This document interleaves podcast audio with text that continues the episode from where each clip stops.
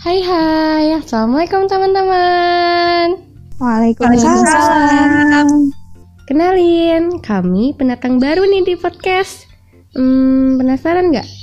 Ya udah, sebut aja kita Inaps Biar lebih dekat, lebih kenal Kita kenalan dulu yuk Yuk, yuk, pantun, pantun. Nat ada Nanat. Boleh, boleh. Ntar kalian bilang cakep ya. Siap. Oke. Mantap. Bubur sumsum pakai gula merah. Cakep. Assalamualaikum, aku Farah. Waalaikumsalam. Hai. Siapa lagi nih? Yang lain dong. nonton dong. Lanjutin ya dari Farah ya. Boleh, boleh. Beli bunga di Eropa. Juga bener. Cakep. Hai semua, aku Syafa. Hai Syafa. Lanjutin Aku dong. dong, aku, aku, aku, aku, aku, aku. Sikat, sikat, sikat, sikat. Satu dua, Alif Batasa. Cakep. Hai semua, aku Nisa. Hai. Halo Nisa.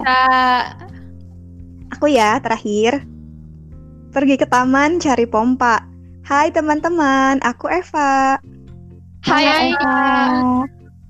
Nah, kita mau ngapain guys? Ngapain? Ngapain ya? Nah, jadi kami di sini mau sharing-sharing nih sama teman-teman semua cerita banyak hal bagaimana saat kita sedang profesi nurse. Terus nanti kita bakal kasih informasi menarik juga nih entah tentang kesehatan ataupun tentang yang lainnya. Pokoknya tunggu aja, jangan sampai bosan. Iya nggak teman-teman? Yeay. Jadi kita mau cerita-cerita nih nanti ya terus kita juga mau berbagi ilmu soal bidang kita. Jadi kan sekarang lagi heboh banget ya pandemi belum selesai ya nggak sih teman-teman? Yap. Kapan deh selesainya? Iya nih. Itu eh, pertanyaan yang jawabannya sulit diprediksi. iya sih. Kalian sadar gak sih selama pandemi ini ada beberapa profesi yang banyak disoroti orang? Kayaknya banyak Denis. Iya betul, Oke, semua profesi disorotin deh. Mm-mm. betul banget. Ada dokter, ada perawat, bahkan seluruh tenaga kerja di rumah sakit pun menjadi sorotan saat pandemi ini. Karena kita alumni mahasiswa perawat, jadi kita mau ngomongin tentang perawat dan keperawatan. Oh iya, dan keperawatan pun ada loh di dalam Undang-Undang Nomor 38 Tahun 2014, Pasal 1 Ayat 1. Gini bunyinya. Keperawatan adalah kegiatan pemberian asuhan kepada individu, keluarga, kelompok, atau masyarakat baik dalam keadaan sakit maupun sehat. Nah, jadi banyak banget teman-teman yang kita pelajari ketika kita sekolah di uh, universitas atau sekolah dengan jurusan keperawatan. Hmm, seperti mata kuliah keperawatan dasar, ada keperawatan medikal bedah, keperawatan anak, keperawatan maternitas, keperawatan gawat darurat dan kritis, keperawatan jiwa, keperawatan paliatif, keperawatan komunitas, keperawatan keluarga, keperawatan gerontik, dan juga uh, manajemen keperawatan. Jadi, kalau udah selesai S1 bisa jadi perawat langsung nggak ya? Hmm, kayaknya belum deh. Jadi setelah kita lulus S1, kita dianjurkan buat melanjutkan ke pendidikan profesi. Nah, pendidikan profesi ini banyak banget manfaatnya teman-teman. Yang pertama itu, dia eh, bisa digunakan ijazahnya untuk membuat STR. STR itu surat tanda registrasi yang nanti bisa kita pakai buat melamar pekerjaan. Nah, selain itu, menurutku pendidikan profesi ini bermanfaat untuk meningkatkan kemampuan kita dari mulai kemampuan tindakan keperawatan, kemampuan komunikasi, dan kemampuan kerjasama. Pokoknya banyak banget pengalaman yang kita dapat dari pendidikan profesi. Gimana? Setuju nggak teman-teman? Iya, setuju banget ih. Bener Setuju. banget. Nah, Nah, ya teman-teman, jadi tadi beberapa manfaat dari profesi nurse. Mungkin teman-teman di sini yang lain mau nambahin manfaat lainnya? Bener banget sih setuju sama Eva. Eh, soft skill soft skill yang sebenarnya nggak secara langsung diajarin tuh bisa bermanfaat banget buat kita nantinya setelah lulus profesi masuk dunia kerja lah. itu tuh yang secara langsung sebenarnya didapetin selama profesi gitu. Iya bener banget tuh aku juga ngerasain kita jadi belajar gimana caranya komunikasi ngobrol sama atasan atau senior-senior gitu di sana. Jangankan atasan, Sama bawahan Sampingan. aja iya. Sampingan. sih? sampingan. Tadi kan Eva bilang nih banyak pengalaman katanya. Ada yang mau cerita nggak sih pengalaman kalian sama profesi? Bisa lah. Apa nih yang paling berkesan gitu? Boleh, iya betul. Aku ada sih. Apa, Apa, tuh? Iya, jadi pas di awal-awal profesi gitu, awal-awal masuk rumah sakit. Jadi ada ada kejadian dead and dying gitu. Apa ya namanya? Eh berduka dan kehilangan. Jadi berduka dan kehilangan. Kalau misalkan ditanya gimana rasanya ngeliat momen kayak gitu, ya pasti sedih lah. Itu kan momen yang paling menguras emosi dan semua orang tuh nggak mau ngalamin hal itu pastinya. Jadi ini cerita aja nih. Iya cerita aja Far. Jadi penasaran Far. Jangan bikin nangis ya. Enggak. Paling kamu nangis gara-gara aku yang cerita. Eh, Jadi Jadi gimana ceritanya? waktu itu tuh emang eh, kondisi pasiennya tuh udah terminal. Ya kayak udah mendekati kematian gitu lah. Yang bikin momen itu ke highlight banget di otak aku, ya. Karena aku tuh eh, ngamatin eh, respon dari keluarganya itu loh. Yang kayak gimana ya? Nangis kejar, terus teriak-teriak, terus kayak pokoknya menyalahkan kita gitulah sebagai tenaga medis yang istilahnya nggak benar gitu. Itu menurut keluarganya ya nggak benar gitu pokoknya wah tegang lah itu momennya Eh respon sedih dari keluarganya itu tuh yang bisa ketransfer ke kita semua yang ada di ruangan itu ngerti nggak Iya iya. jadi respon sedih dari keluarganya itu yang ngebawa kita juga kayak ikut-ikutan sedih juga gitu, ketransfer tapi menurut aku kayak yang kayak gini-gini tuh hal yang wajar karena responnya tuh pasti kayak gitu kan kita udah tahu tuh yang respon apa Iya yang tahapan Respon. berbuka itu apa sih itu respon bukannya? Apa tahapan berbuka ya? Tahap Yang ada lima tahap itu loh, yang Mm-mm. tahapan ya, yang dari denial, terus anger, bergaining. regaining, depresi sam- sampai acceptance kan. Jadi emang Mm-mm. emang bisa bisa dibilang ini tuh udah proses wajar ya, proses alaminya gitu loh. Jadi ya ya harap maklum gitu loh. Udah mah baru masuk rumah sakit ya waktu itu. Terus ketemunya tuh momen kayak gitu kan bikin bingung banget ya. Kalian Mm. suka kalian suka Masih bingung maba, masih apa? maba di rumah sakit. Iya, pas lihat respon keluarga kayak gitu tuh langsung mikir dulu gitu kayak, ini gue harus ngapain nih gitu. Iya iya benar benar benar. benar. Nih gue harus bantu api nih gitu kan. Terus kayak tiba-tiba di otak tuh mentok aja gitu, tek gitu. Tapi sebenarnya harusnya gitu ada beberapa hal yang ada beberapa hal sederhana yang bisa kita lakuin sih sebenarnya buat eh apa ngebantu gitu. As a nurse ya maksudnya di saat-saat genting kayak gitu tuh. Kayak first gitu pastiin kalau kita tuh siap menghadapi keluarga tersebut.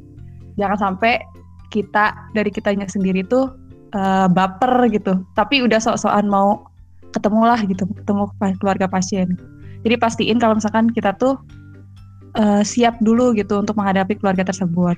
Terus eh, kita juga bisa ngelakuin kayak hmm, apa nemenin keluarganya gitu loh, kayak at least lu hadir aja dulu di situ. Kalau bisa sih hindarin kayak yang ngomong sesuatu kayak sabar ya, ikhlas ya. Jadi benar-benar hadirin diri kita aja dulu di situ gitu, tanpa ngomong apa pun gitu.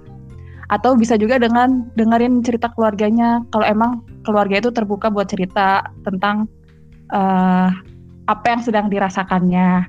Atau bisa juga sih kasih yang paling sederhana kasih respon non verbal kita gitu, kayak kita touching lah atau misalkan kita bantu nepuk-nepuk bahunya gitu. Kalau misalkan nggak keberatan apa jadi berat nih kalau ditepuk-tepuk bahunya? Ya kali apaan? Enggak lah.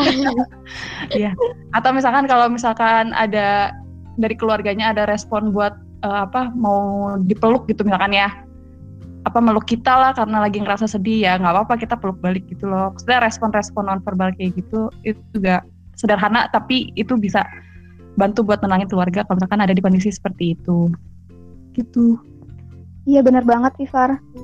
Dan respon tiap keluarga itu pasti berbeda nggak sih Far? Iya pasti juga sih. Cuma kan ada tahapan-tahapan yang wajarnya gitu.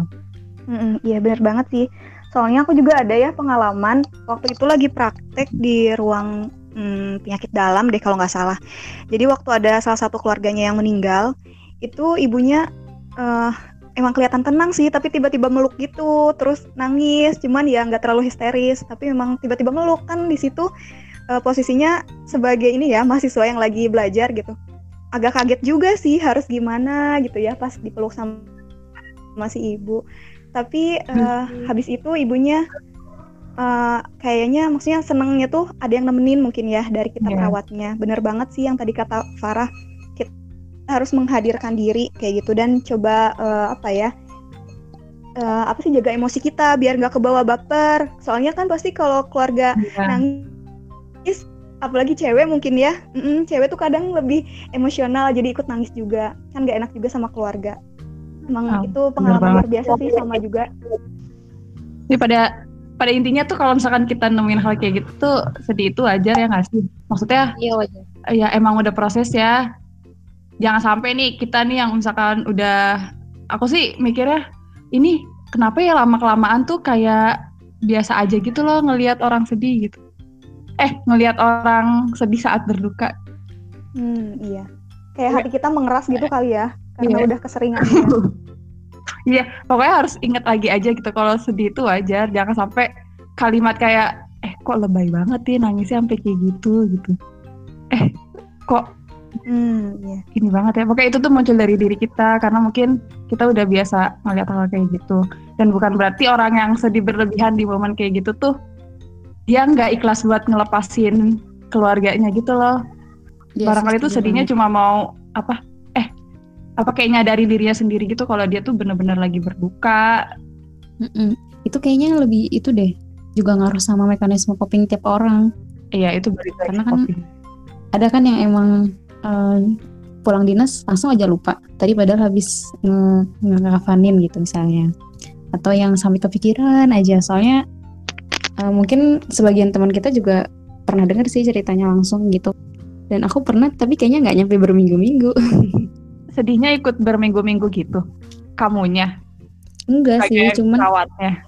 bukan sedih. Jadi kayak awalnya mungkin kepikiran ngerasa kayak sedikit bersalah nggak bisa atau mungkin gara-gara pertama kali mau nolongin orang tapi nggak bisa kali ya. Pengalaman pertama kali jadi ya keingetan terus gitu deh. Walaupun nggak nyampe berminggu-minggu juga gitu. Emang gimana itu? Jadi waktu itu aku tuh lagi kebagian dinas di IGD dan ini tuh pertama kalinya anak maba gitu lah maba ke rumah sakit. Yang paling berkesan mungkin gara-gara keingetan lagi nge BHD sih atau bantuan hidup dasar. Atau mungkin teman-teman yang belum tahu BHD itu kan kayak adegan-adegan di TV yang ngekompre- ko- ngekompresi dada itu loh. Yang kayak kenapa harus di TV gitu? Di YouTube nggak lagi Iya, iya kan kalau di drama-drama atau film-film kan biasanya itu kan kalau orang meninggal Habis berenang gitu kan di yang gitu-gitu dadanya. Nah itu tuh beneran pertama kali banget gitu loh. Kalau di rumah sakit kan udah ada monitornya gitu ya. Itu tuh bener-bener kayak monitornya udah lurus dan ada bunyinya tuh yang udah ya kayak di sok dramatisir gitu lah mungkin gara-gara masih awal-awal kali ya. Jadi masih anak baru. Nah pas udah ngelihat kayak gitu tuh langsung perawat seniornya ngeinstruksi ayo dek bantu nge-RJP gitu atau resusitasi jantung paru. Nah dari itu nah pas udah gitu kok lo ketawa sih Far? lucu. Nah waktu itu kebetulan tuh aku tuh lagi di bed sebelah lagi monitoring ke pasien yang lain gitu yang kondisinya mungkin agak cukup stabil. Tiba-tiba perawat senior atau si AI-nya itu langsung manggil dek bantuin ini RJP gitu. Terus kan kaget ya ah RJP RJP yang mana? Siapa? gitu kan terus pas langsung di balik tiranya tuh si bapaknya atau si si AI perawatnya tuh udah langsung udah langsung itu ngekompresi dadanya itu tuh langsung dia ambil troli gitu. Yang lain ke perawat yang lain ambil troli. Langsung ngeabombek atau oksigenasi aku gantian siklus selanjutnya teman aku nge ngasih oksigen tapi ya udah ya udah. Terus pas di siklus ketiga gitu kan langsung kata dokternya udah gitu. Maksudnya tuh kayak udah nggak bisa ditolong lagi gitu. Dan udah langsung dokter ngumumin waktu kematian. Terus di situ aku langsung melipir dan kayak agak gemeter sih kalau gimana sih ya lo ngerasain sendiri gitu. Pertama kalinya skin to skin walaupun pakai handphone gitu maksudnya ngekompresi dada orang yang itu tuh jantungnya benar-benar kerasa gitu loh di antara paru-paru. Gitu lah keingetan terus gitu sampai sekarang. Jadi kayak apa ya?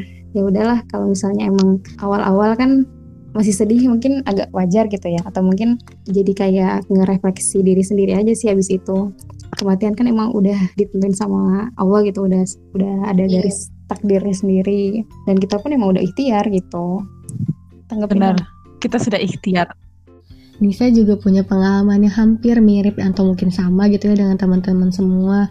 Siapa yang RJP pasien lah, ngeliat keluarga pasien yang lagi sedih dengan berbagai respon yang teriak-teriak lah, marah-marah lah, dan lain-lainnya lah pokoknya kayak gitu. Cuman di antara semua momen death and dying yang pernah Nisa alami selama dinas Dan yang selalu Nisa inget-inget tuh adalah nasihat dari perawatnya ke Nisa gitu.